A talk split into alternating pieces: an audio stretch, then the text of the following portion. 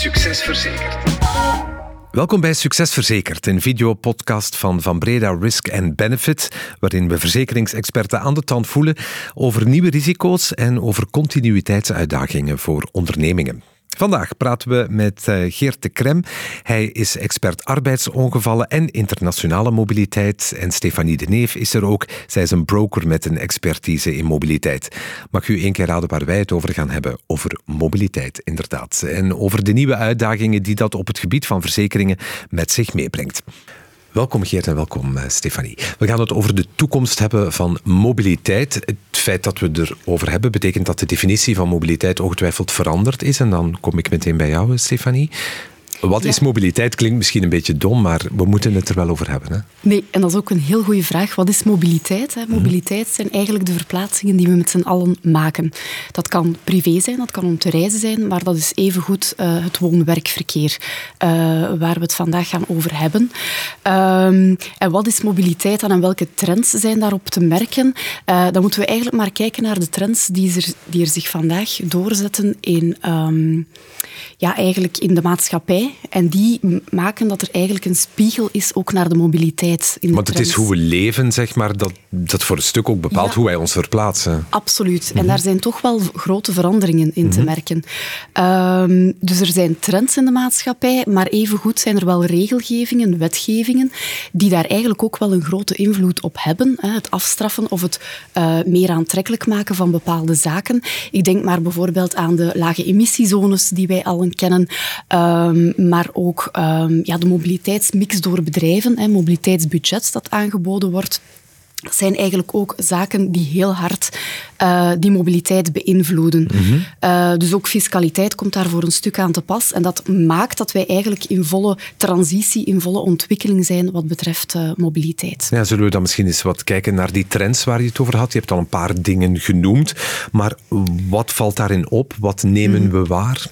Ja, er zijn eigenlijk vijf trends waar we het vandaag graag zouden over hebben. Er zijn er ongetwijfeld veel meer die daar een invloed uh, op hebben. Maar zo lang duurt deze podcast Maar niet. zo lang duurt deze podcast niet. Dus mm -hmm. vijf belangrijke waar we het vandaag toch wel willen over hebben, mm -hmm. is uh, ten eerste die verdichting van die leefomgeving die zich doorzet. Dat is niks nieuw, maar het zet zich verder door. Um, ook de nieuwe vormen van werken, uh, die door corona toch wel meer opmars gekregen hebben en zich blijven doorzetten. Um, ja, uiteraard het klimaat. Hè, niet mm -hmm. weg te denken als thema. Uh, dan is er ook nog een fancy woordje, de e-ski-mobiliteit. Mm -hmm. Dat willen we graag ook even toelichten. Mm -hmm. um, en de opkomst van de autonome voertuigen. Dat is toch ook wel een belangrijke die uh, een invloed gaan hebben. Nee, ik ben al heel benieuwd naar die e-ski, want dat ken ik niet. De rest kan ik mij iets bij voorstellen, maar we gaan ze wel allemaal even overlopen. Hè. Laten we eens beginnen bij de eerste, die uh, verdichting van de leefomgeving. Hoe heeft dat de mobiliteit veranderd? Ja, we leven natuurlijk in een zeer verstedelijkte omgeving, hè, um, waardoor eigenlijk die kwaliteit, die levenskwaliteit, hoe we ons verplaatsen, dat komt allemaal onder druk te staan. Hè. Dat zet zich meer en meer door. Um, de auto die heeft al bijna geen plaats meer in de stad. Hè. En als we in de stad ons moeten verplaatsen, dan is dat vaak uh, door stil te staan en veel file te rijden. Het is dus, niet echt verplaatsen. Verplaatsen, ja, in een slakkend tempo. Ja. Dus eigenlijk, die auto heeft weinig plaats in de stad. Uh, een auto is ook heel duur hè, uh, in, in, in het bezit van de auto, het onderhoud van de auto. Plus als je dan verplaatst met de auto, hè, het stilstaan en zo verder.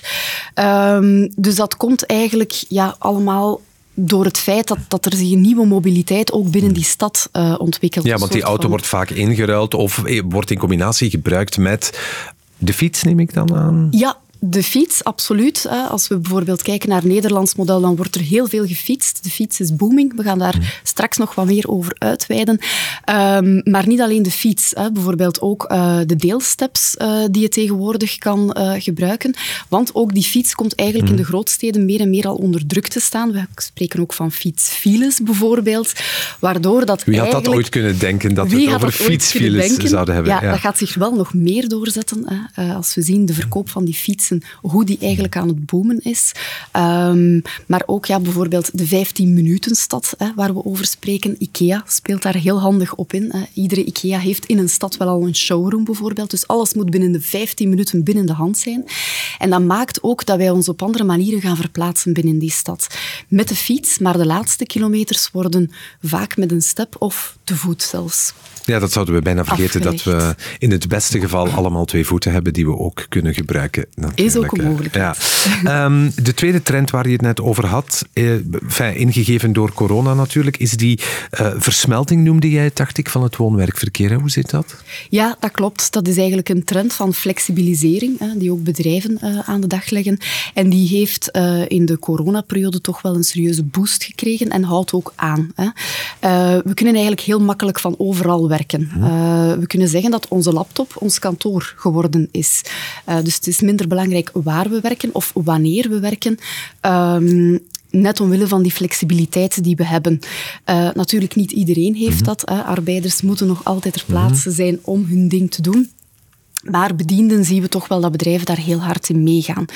Um, we kunnen stellen dat er niet per se minder woon-werkverkeer is, maar dat het wel op andere manieren, op andere tijden, op flexibere manieren gebeurt. En niet meer tussen 9 en 5 uitsluiten. Exact. Bijvoorbeeld niet meer de pure 9 to 5. Mm. Uh, ook mobielere werkplekken die mm. zich uh, oppoppen.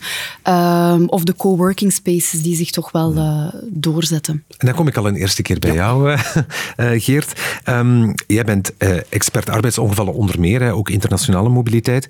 Maar in hoeverre um, is de wetgeving al mee met die veranderende manier van ons verplaatsen eigenlijk? Als het uh, gaat over arbeidsongevallen dan? Uh, niet helemaal. Hè. Dus we moeten duidelijk zijn ook, de arbeidsongevallenwet is denk ik ontstaan begin 20e eeuw.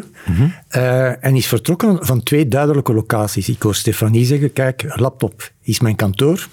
-hmm. in de wetgeving vinden we dat zeker niet terug. Spreekt men heel duidelijk nog altijd van de werkplaats zijn de fabriek of het kantoor en daarnaast de woonplaats, vaste verblijfplaats. Dus de mix tussen beiden vinden we zeker niet terug in de wetgeving. Dus als je je hand verbrandt omdat je thuis een koffie hebt gezet tussen twee vergaderingen in, dat is al een moeilijk geval. Juist, dat is het probleem. En wat is de, de herkomst ervan, of wat is, waar, waar situeert zich het probleem echt?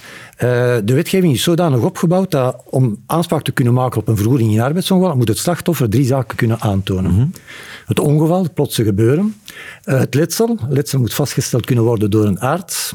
En een derde, en dat is dan heel essentieel in deze context, is hij moet kunnen aantonen ook dat het, dat het arbeidsongeval plaats heeft gevonden tijdens de uitvoering van de arbeidsovereenkomst. Hebben we te maken met een arbeidsongeval op de werkplaats, dan zijn er collega's, zijn er leidinggevenden, men heeft ingebadged, dus alle elementen zijn aanwezig om dat als, als een vanzelfsprekendheid te aanzien dat het schadeval wel degelijk gebeurd is mm. tijdens de uitvoering van de arbeidsovereenkomst. Die elementen vallen allemaal weg als we spreken over uh, het feit ook, uh, laptop is mijn kantoor. Mm -hmm. Men kan op eender welke plaats werken en actief zijn. Maar dit geldt ook voor thuiswerk. Mensen die thuiswerken zitten met het probleem dat zij, als ze slachtoffer worden van een arbeidsongeval, zijn het branden aan het koffiezetapparaat tussen twee vergaderingen mm -hmm. door, zij gaan het bewijs wel degelijk moeten leveren. En die bewijslast is heel wat moeilijker dan als diezelfde situatie zich zou hebben voorgedaan op het kantoor. Maar betekent dat dan ook, omdat het zo moeilijk vast te stellen is, of dat er toch veel meer bewijslast voor nodig is, ja. dat er veel veel meer gevallen van, of arbeidsongevallen geweigerd worden door verzekeraars? Um, nog maar een paar weken terug was er een heel interessante PANO-uitzending, waar dat er een aantal geweigerde arbeidsongevallen um, uh, aan bod zijn gekomen. En een van de verrechtvaardigingen of een van de verklaringen aangereikt door Assuralia was juist te vinden in het feit dat zij aanvoerden ook dat, we, dat ze veel meer geconfronteerd worden met arbeidsongevallen op andere plaatsen dan de werkplaats de bewijslast is veel moeilijker. En dus dat het tussen aanhalingstekens hmm. makkelijker was om eventueel schadegevallen op die gronden te gaan hmm. weigeren. Dus vandaar dat het essentieel is om duidelijke afspraken te maken rond plaats, maar ook tijd. Ik hoor Stefanie zeggen ook, het element van 9 to 5 verdwijnt. We moeten eerlijk zijn, verzekeraars houden nog altijd heel graag vast aan dat principe omdat dat gewoon duidelijk is. Juist. Als het om vijf voor negen gebeurt, dan is het geen arbeidsongeval. En vijf over negen is ja, het wel. terug gelinkt ook aan de arbeidsplaats. Men mm -hmm. komt op de werkplaats aan, men best, mm -hmm. dus de arbeidstijd start. Um, we zijn voor corona geconfronteerd geweest met een aantal bedrijven die daar wouden in vooruitlopen en die zeggen, kijk, wij liggen niet meer wakker van de vaste arbeidstijden. Uh, wij vragen van onze werknemers dat zij zorgen dat zij per week die en die taken gewoon uitvoeren. Op welke manier dat ze dat doen, waar dat ze dat doen en op welk tijdstip maakt niet uit. Nogmaals, is heel mooi, maar dat betekent wel dat naar de wijslast in het zich voordoen van een arbeidsongeval, dat daar toch wel een, een, een, zware verantwoordelijkheid ligt bij de werkgever en bij de werknemer om dat aan te tonen. Um, je laptop is je kantoor, dat is hier al een paar keer gepasseerd. Je kan je laptop ook prima meenemen naar een vakantiehuis in Portugal, daar een maand zitten en misschien drie van die vier weken ook werken. Um, het is een trend, hè? Enfin, misschien is het geen breed gedragen trend, maar het is wel een trend. Hoe beïnvloedt dat uh, de mobiliteit? Um, wel, wij catalogiseren dat onder workation. dus de, het, ja, het, samenvallen van vakantie en, en werk mm is echt uh, ingezet ook tijdens de, de lockdown, tijdens de, de covid-pandemie. Uh, reisbureaus zijn daar zelfs ook gaan inspelen. Zijn appartementen en huizen gaan ter beschikking stellen waar dat zij duidelijk afficheerden ook dat er een heel mhm. vlotte en goede wifi-verbinding was, zodat het perfect mogelijk was om van daaruit te werken. Maar daarom is de verzekeraar nog niet mee? Nee, daar terug juist hetzelfde. Dit kan perfect en kan perfect ook vallen onder toepassing van de arbeidsongevalwetgeving, maar we stuiten daar terug op de bewijslast mhm. die het slachtoffer moet aantonen. Vandaar ook als we, en we krijgen vaak die vraag van bedrijven, om mensen gedurende drie weken, vier weken gekoppeld aan hun vakantie, of eventueel zelfs los van de vakantie, te laten werken vanuit een plaats in het buitenland, wel, dan is het essentieel dat er een schriftelijke overeenkomst is tussen werkgever en werknemer. Dat wordt bepaald ook op welke locatie dat er gaat gewerkt worden. Mhm. En dat er zelfs eventueel ook rekening wordt gehouden met het tijdsverschil want het is heel leuk om in een, op een verre locatie te gaan arbeiden. Maar ja, op zich moet je ook nog altijd telefonisch misschien bereikbaar zijn. Dus dat dat ook doorgenomen is voordat dat, dat gestart wordt. Ja, 9 tot 5 in België is van 3 uur s'nachts tot 10 uur s ochtends in New York bijvoorbeeld. Ja, Dus vandaar dat het wel essentieel is om dat ook allemaal vast te leggen. En dan een derde belangrijk punt ook. Er mag geen sprake zijn van vakantie. Het moet wel degelijk ook werktijd zijn. Maar je hebt toch ook de combinatie van beide? Dat je denkt, ik ga gewoon lekker twee weken naar Thailand en ik blijf nog twee weken langer, maar om er te werken. Ja, dat is ook, maar dan, zijn we ook met, dan hebben we te maken met duidelijk twee gescheiden uh, periodes. De eerste periode dat het duidelijk is dat het privé is, dat het vakantie is, gekoppeld aan mhm. twee weken verblijf. Wat ik wil opdoen is ook dat die, die scheiding er soms niet is. En dat het heel moeilijk is om een, om een onderscheid te maken tussen wat nu privé vakantie is mhm. en werk. Dus om dat te voorkomen ook, moet het duidelijk zijn ook, als er gewerkt wordt gedurende een bepaalde periode in het buitenland, dat het wel degelijk ook in kaders van de uitvoering van de arbeidsovereenkomst. Maar mensen mogen wel nog altijd in het buitenland werken en kunnen tegelijk wel gedekt zijn door de verzekeraar. Absoluut, ja. ja. Maar je moet wel aandacht hebben voor... Alle randvoorwaarden moeten mhm. vervuld zijn. Zijnde die overeenkomst, werkgever moet op de hoogte zijn. Mhm. Eh, de locatie moet gekend zijn, tijdverschillen mhm. en dergelijke meer. Dus, en dan is er op zich geen reden om een mogelijk schadelijk te gaan weigeren. Maar nogmaals ook, uh, het is belangrijk dat uh, die bewijslast, dat de elementen aanwezig zijn om het slachtoffer zo makkelijk mogelijk te maken om het ongeval aanvaard te laten Ja, want je hebt de dekking van het arbeidsongeval. Dat is dan in België niet veel anders dan in het buitenland. Maar je hebt ook zoiets als de reisbijstand die dan mee moet zijn in het verhaal. En er is ook nog zoiets als de sociale zekerheid. Ja. Uh, het eerste luikje ook op vlak van de, de reisbijstand, daar zitten we op dit moment nog altijd met een probleem. In het kader van die workation, uh, mensen die uh, mits goedkeuren van hun werkgever in het buitenland gaan werken, zou men kunnen veronderstellen dat ook de reisbijstand dat het bedrijf heeft afgesloten voor professionele reizen voor hun werknemers daar ook onder zou vallen. Dit is niet zo. Verzekeraars aanzien dit vandaag nog altijd als een pure privé-aangelegenheid. Jij als werknemer hebt gekozen om je taken te gaan uitvoeren in het buitenland, op een andere locatie dan je vaste verblijfplaats. Heel mooi, nogmaals. Maar zij aanzien dat niet als een business trip, als een professionele reis in opdracht van de werkgever. Dus daar zitten we op zich wel nog met een probleem. Ik denk wel dat op, na verloop van tijd, want verzekeraars worden zich daar ook van bewust, mhm.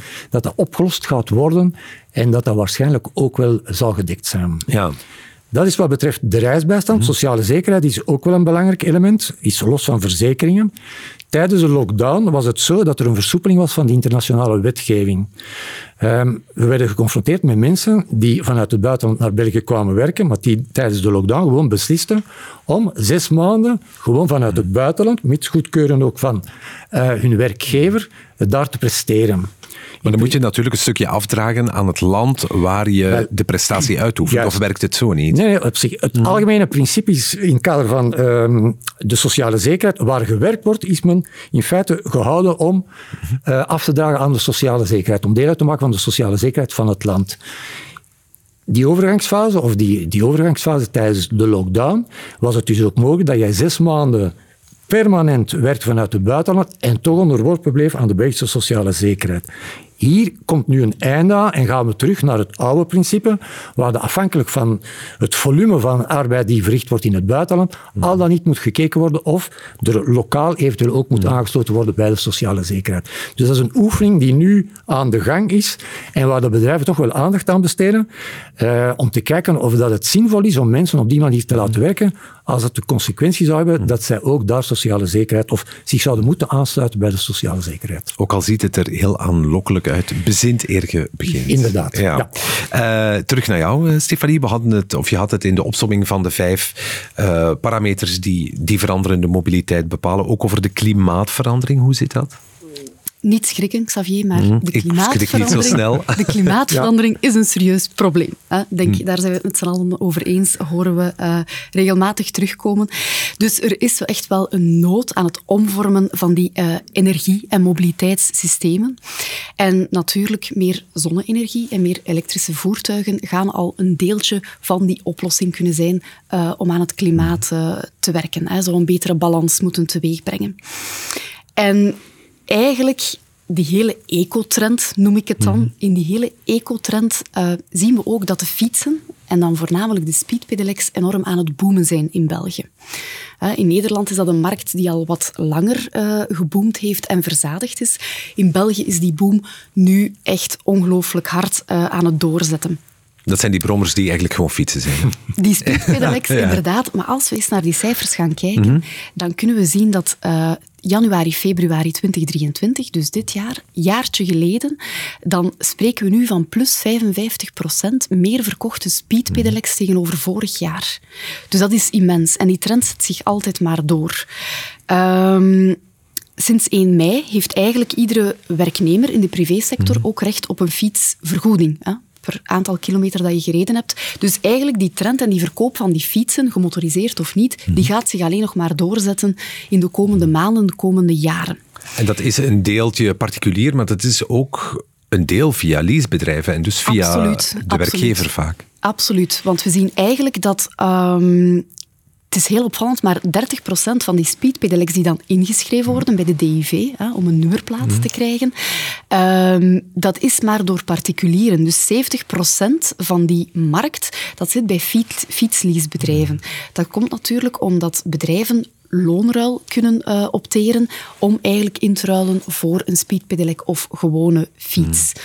Um, ja, dat is de markt en dat is hoe die eruit ziet. Margeert, ja. um, we horen wel vaker dat mensen die een speedpedelec uh, leasen of gekocht hebben, daar eigenlijk niet best goed mee kunnen rijden en dat er al eens een ongeval gebeurt. Ja. Moet hier terug de boeman spelen?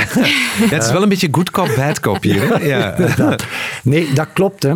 Um, we hebben al, en dat is al een aantal jaren vastgesteld ook, dat wat betreft de arbeidswegongevallen de fiets veel vaker voorkwam. Um, belangrijk op aan te stippen is ook dat bedrijven zitten in op veiligheid van hun werknemers, zorgen voor een veilige werkomgeving, veilige machines en dergelijke meer. Bedrijven hebben veel minder ingezet op vlak van preventie op de arbeidsweg. Uh, waarom? Omdat zij daar dat ook... wil zeggen zo'n speedpedelec koppelen aan een rijopleiding bijvoorbeeld. Ja. Daar wil ik juist toe komen. Uh, wat stellen wij dan ook vast? Meer schadegevallen met de fiets, maar de laatste twee jaar een hogere frequentie van fietsongevallen, maar ook ernstiger schadegevallen met die fietsen. En als we dan meer in detail gaan kijken, dan zien we dat in de meerderheid van de gevallen de, de, de speedpedelec niet de oorzaak is, maar betrokken is bij die arbeidsongevallen. En dat betekent dus wel dat voor bedrijven, wat betreft als zij een vergelijking maken premie-schade, ja, dat zij heel mooie resultaten kunnen voorleggen op vlak van de arbeidsplaats. Eh, steven naar nul schadegevallen. Maar dat zij nu geconfronteerd worden met veel en ernstige schadegevallen op de arbeidsweg, waar dat heel vaak de speedpedelec bij betrokken is. Vandaar ook dat er aandacht moet besteed worden, en die leasingmaatschappijen doen dat al, om aan de aanschaf van zo'n speedpedelec sowieso een technische praktische en theoretische opleiding te voorzien, om te voorkomen dat die schadegevallen zich blijven verder zetten en dat dat op zich misschien financieel onhoudbaar gaat zijn, omdat die schades wel aanzienlijk zijn. Doet dat ook iets aan de premie als iemand een speedpedelec leest, dat hij dan een rijopleiding heeft gekregen? Is een verzekeraar dan geneigd om te denken dat dat risico op een ongeval dan minder groot is? Uh, dat, gaat sowieso, dat gaat sowieso een rol spelen, want verzekeraars spelen daar ook op in, wat zij vijf jaar geleden niet deden. Speciale preventie, opleiding, preventieacties rond het gebruik van fiets- en speedpedelec. Daar zijn ze nu allen mee bezig en stellen ze die allen ter beschikking van hun bedrijven klanten. Dus dat gaat sowieso wel een rol spelen. Uh, dat, dat verzekeraars daar ook gaan rekening mee houden in de aanpak van het bedrijf, en dat is wel, we zijn ver gekomen, naar op welke manier dat mensen zich gaan verplaatsen plaatsen op die arbeidsweg. Ehm, iets waar niemand wat aan kan doen, fijn de overheid wel, maar nog de werkgever, nog de werknemer, nog de verzekeraar zijn verantwoordelijk voor de infrastructuur, de openbare weg waar we ons allemaal begeven. Ja. Die is ook niet helemaal aangepast aan die nieuwe manier van verplaatsen. Als we dat vergelijken ook met, uh, met Nederland, waar alles in het werk wordt gesteld om op zo'n veilig mogelijk manier te fietsen, daar zijn we in België jammer genoeg nog niet aan toe. Dus dat vraagt nog wel wat inspanningen. Uh, en dat in combinatie, als je daar nog mag op terugkomen, ook het, het, het fenomeen van die speedpedelecs ook. We stellen vast ook dat heel wat mensen, met zelfs weinig ervaring met de fietsen, overstappen naar die speedpedelec. Jij noemde het ook een, ja, een brommer bijna. Of een veredelde brommer, ja. ja uh, wel, dat houdt sowieso risico's in. Wat we ook zien als we gaan kijken naar de omstandigheden van die schadegevallen, dat er heel vaak ook geen derde partij bij betrokken is dat het uh, de snelheid is, de omstandigheden, eventueel de infrastructuur, die aanleiding hebben gegeven tot die schadegevallen. Dus daar is wel nog wel, wel werk aan de winkel om, om dat risico in feite te kunnen managen. Stefanie, dan kom ik terug bij jou voor uh, die vierde parameter die al in mijn hoofd zit van sinds we met dit gesprek begonnen zijn. Uh, ISKI. Dat was hem toch, hè? ISKI, inderdaad. Is ISKI? Dat is een afkorting. Ja, dat dacht ik al. Ja. Het is een modewoordje. Het is eigenlijk um, een term die uitgebracht is door uh, PwC. Ja. Uh, Voor de luisteraar, het is E-A-S-C-Y. Ja. ja, en ik zal misschien even zeggen waarvoor die ja, letters e. staan. De E spreekt voor zich elektrisch. De A. Uh, dan is er autonoom. S. De S staat voor shared. C. Voor connected. En de I. Voor yearly updated. Goed, en als je dat nu in een volzin moet gieten, wat betekent de ISKI? Wel, het elektrische, dat spreekt voor zich. Mhm. We zien wel echt een elektrificatie van, het, uh, van de voertuigen, toekoer, denk ik. Uh, autonoom is eigenlijk waar we meer en meer nog naartoe gaan. Dat is dat er geen uh, menselijke interventie meer zal zijn. Bijvoorbeeld de zelfrijdende auto. maar dat er eigenlijk meer en meer geopteerd wordt voor artificial intelligence. Dat kennen we nu al in beperkte mate. De nieuwere wagens weten perfect wanneer ze tussen twee rijstroken moeten blijven. Die weten ook wanneer ze moeten remmen uh, als je tekort komt bij de andere uh, auto. Dus in meer of mindere mate zit dat al ingebakken. Er zijn vijf niveaus die we daarin uh, onderscheiden. Um, in België is het toegestaan tot en met niveau 3 eigenlijk om autonoom te gaan rijden. Maar er zijn heel veel bedrijven Tesla mm. bijvoorbeeld, maar ook Mercedes, die daar heel hard in investeren hè, uh, om klaar te zijn voor de toekomst. Dus dat was het stukje autonoom. Als we dan gaan kijken naar shared, dat is ook een heel belangrijke, want we voorspellen dat tegen 2030 één op drie kilometers die wij met z'n allen zullen afleggen, uh, shared gaat zijn. En shared is dan een overkoepelende term voor uh, ja, de traditionele um, carpooling die je kan doen, maar ook shared van shared uh, deelauto's bijvoorbeeld. Deelauto's bijvoorbeeld, inderdaad, maar ook de deelsteps, de deelfietsen. Mm. Daar merken we toch dat daar een enorme opmars aan de gang is. Mm -hmm. um, connected, nog een heel belangrijke dat voertuig gaat meer en meer connected worden. En dat is enerzijds connected tussen de personen uh, die rijden met de voertuigen en de voertuigen Het delen, hè, waar we dan net bij zaten. Inderdaad, dus die auto's en die infrastructuur mhm. worden ook heel belangrijk. Infrastructuur, wederom, hè, mm zal moeten volgen. Um, en eigenlijk op die manier creëer je een soort van derde werkplek in de toekomst. Uh, dus die auto gaat je van punt A naar B brengen, waarbij je die tijd optimaal kan benutten mhm. als werkplek eventueel om je voor te bereiden uh, op de werkdag of na een werkdag om wat verslagen bijvoorbeeld Wordt weer nog ingewikkeld voor de verzekeringen, hè, Geert, ja. denk ik. Ja. Moeilijk. Maar goed, daar zijn we nog niet. Uitdagingen, ja. uitdagingen. Uh, en de Y dan, yearly updated. Mm. Het gaat heel belangrijk worden als we zo afhankelijk van die technologie, van die artificial intelligence worden, dat eigenlijk uh, dat je jaarlijks een update krijgt, zowel van de hardware als de software. Dus, dus niet meer dat je een, want lease, leasecontracten zijn vaak vijf jaar dat gaat een beetje verdwijnen. We gaan elk jaar onszelf opnieuw uitvinden. Dat zal niet, niet per se verdwijnen. Dat is moeilijk te voorspellen. Uh, we zien ook wel een grotere concentratie bij de bedrijven uh, die, uh, die deelmobiliteit gaan aanbieden. Dus ook terug het particuliere gegeven van een auto te bezitten. dat gaat meer en meer op de achtergrond komen te staan.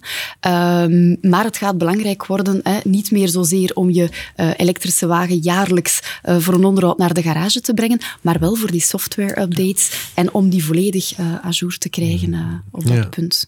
Um, alles is een service hè, tegenwoordig. Dat is waar. Uh, mobility is een service, ongetwijfeld ja. ook. Um, dat is natuurlijk een, een, een, mooie zin en dat staat mooi op een folder. Maar wat is mobility as a service?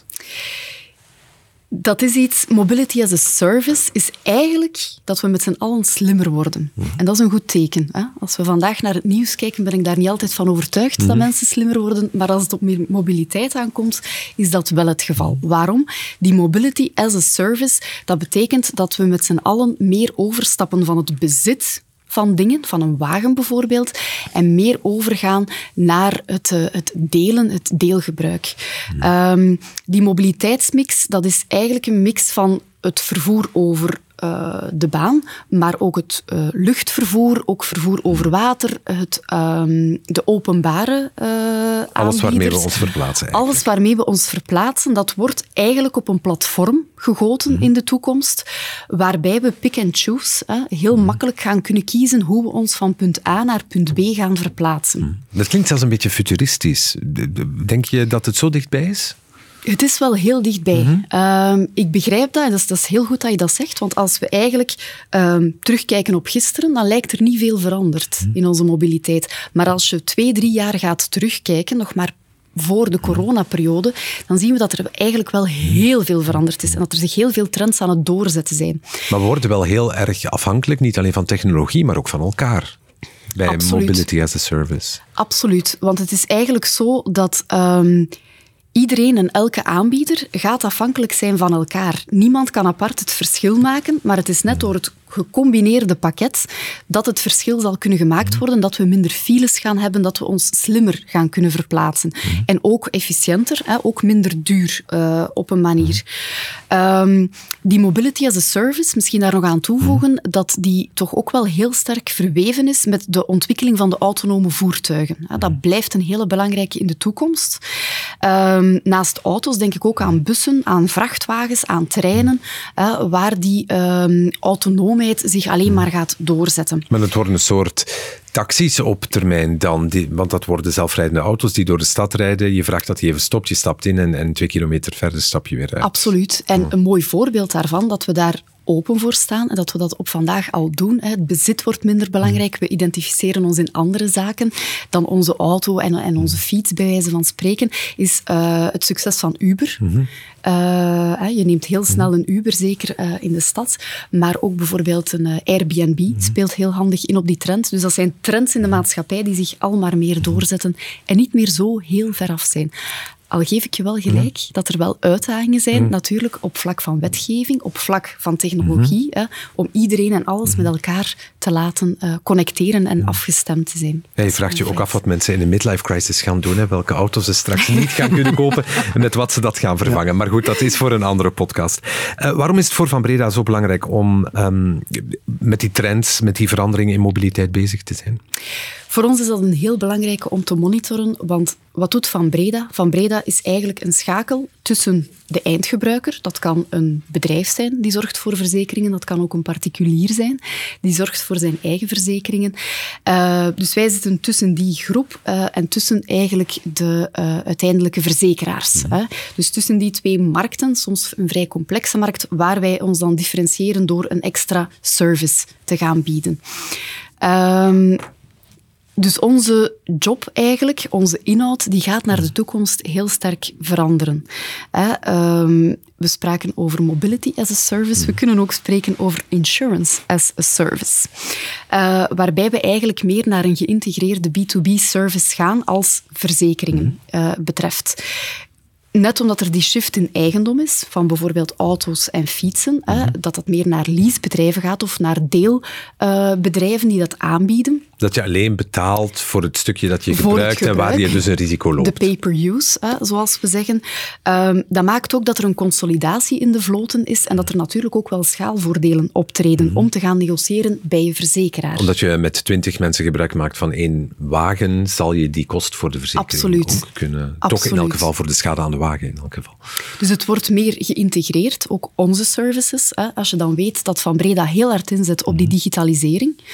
Uh, vorig jaar hebben wij 10% van onze omzet, zijn de 14 miljoen euro geïnvesteerd in IT-ontwikkelingen. Mhm dat is ook nodig en dat merken we ook hier, hè, dat alles meer geïntegreerd wordt digitaal. Gebruikers verwachten het ook. Mhm. hè. Als je bijvoorbeeld een deelauto hebt en je rijdt daarmee, je hebt een schade berokkend, mhm. ja, dan verwacht je niet dat je een formuliertje zal invullen, dat mhm. opsturen per post uh, naar de makelaar of verzekeraar en zo je schade geregeld wordt. Nee, dat moet via een app, dat je eigenlijk op 1, 2, 3 kan uh, schadeaangifte doen en verder geholpen wordt. Hetzelfde voor de pechbijstand, ja, dan heb je liefst een app waar je kan op klikken met een bepaalde knop en verder geholpen wordt. Ja, dat gaat over de schade aan uh, de auto, noem ik het dan maar, maar eigenlijk alle vormen van mobiliteit die er zijn. Je hebt natuurlijk ook de schade voor gebruikers, dat wordt dan pay-per-use. Ehm, maar um, wat met aansprakelijkheid als het gaat over software bijvoorbeeld in die wagens of in die deelmobiliteit. Als dat ergens misloopt en dat veroorzaakt een ongeval, wie gaat dat is een heel relevante. Want inderdaad, als we dan bekijken bijvoorbeeld met die autoverzekeringen, dan zien we dus het feit dat er meer autonome voertuigen gaan komen, gebaseerd op artificiële intelligentie, betekent ook dat de schadelast gaat dalen. Hè? Dus de casco-schades aan de voertuigen die gaat dalen. Um, met 50% wordt voorspeld. Dus ook naar verzekeraars toe, daar blijft meer marge over. Die premies gaan onder druk komen te staan. Dus er gaat een andere manier van underwriting nodig zijn, hè, waarbij dat er meer de focus komt op uh, alles wat um, ja, meer het, het, het cyber, de cyber security uh, aangaat. Er gaat ook heel veel data beschikbaar zijn um, van, van gebruikers. Hè. Hoe ga je daarmee om? Hoe en zorgen je... die data ervoor dat er minder kans is op ongevallen of schade? Die data moeten beter beschermd worden. Mhm. Het zorgt er ook voor dat we kwetsbaarder zijn uh, voor hacks bijvoorbeeld. Hè. Mhm. Dus uh, ik kijk dan ook richting overheid. Hoe gaan zij daarmee omgaan als we met z'n allen geconnecteerd mhm. zijn uh, en gebruik maken van die software, maar die software wordt gehackt? De consequenties kunnen enorm zijn. Kunnen verzekeraars dat dragen? Hoe gaat de herverzekering daarmee om, om die spreiding te doen? Kijk maar naar ehm, uh, de terroristische aanslagen die er geweest zijn. Daar is een trip-vehikel voor opgericht, waarbij eigenlijk uh, die schadelast verdeeld wordt en voor een stuk gedragen wordt door een pot die de overheid uh, gaat aanleggen. Ik denk dat we ook naar zoiets gaan als we naar zelfsturende auto's gaan. Ja, maar je zal maar een terrorist hebben die een kettingbotsing wil organiseren Absoluut. op de autosnelweg. Dus en die is een beetje goed met software. ja absoluut. ik heb dus- misschien te, verbeel, te veel verbeelding. Nee, nee, nee. nee, dat is ook, we merken het nu ook al bij bedrijven die gehackt worden, die, die hmm. maanden stil liggen en die daar heel kwetsbaar uh, op... Dus dat zijn, dat zijn nieuwe trends, nieuwe ontwikkelingen. Hmm. Er zijn opportuniteiten, maar hmm. er zijn ook natuurlijk uh, risico's aan verbonden. De SWOT-analyse die zal nooit verdwijnen, hè? hoe uh, slim we ook zijn, denk ik. Hè? Hoe slim we ook zijn, voilà. Zullen we bij alles de analyse... Ja, we zullen bij alles de analyse moeten blijven maken. Geert, wil jij daar nog iets aan toevoegen? Nee, ik wil alleen nog op aanvullen, ook op vlak, jouw vraag in verband met data, is denk ik wel zo eh, dat die data ook op een veilige manier kan gebruikt worden, ook om in te spelen op het gedrag van chauffeurs en anderen. Dus dat daar ook wel uh, impact kan zijn, ook dat daar acties kunnen uh, uit voortvloeien, om het ook veiliger te maken, ook voor hen en voor iedereen. Dus, um... Vind ik een mooie afsluiter. Dankjewel allebei voor het gesprek. En u wil ik heel graag bedanken voor het kijken en of het luisteren. Het laatste woord is voor Pedro Matijnsens. Hij is de CEO van Van Breda Risk and Benefits en dit is zijn blik op de zaak. Voor veel verzekeraars is het verzekeren van auto's in privébezit nog altijd de belangrijkste bron van inkomsten. Maar die bron van inkomsten gaat zeer geleidelijk aan opdrogen. De risico's van het autoverzekeren gaan veranderen. Er gaan steeds minder claims komen. De frequentie gaat naar beneden. Maar de tickets van de claims gaan verhogen omwille van de dure componenten zoals sensoren en batterijen.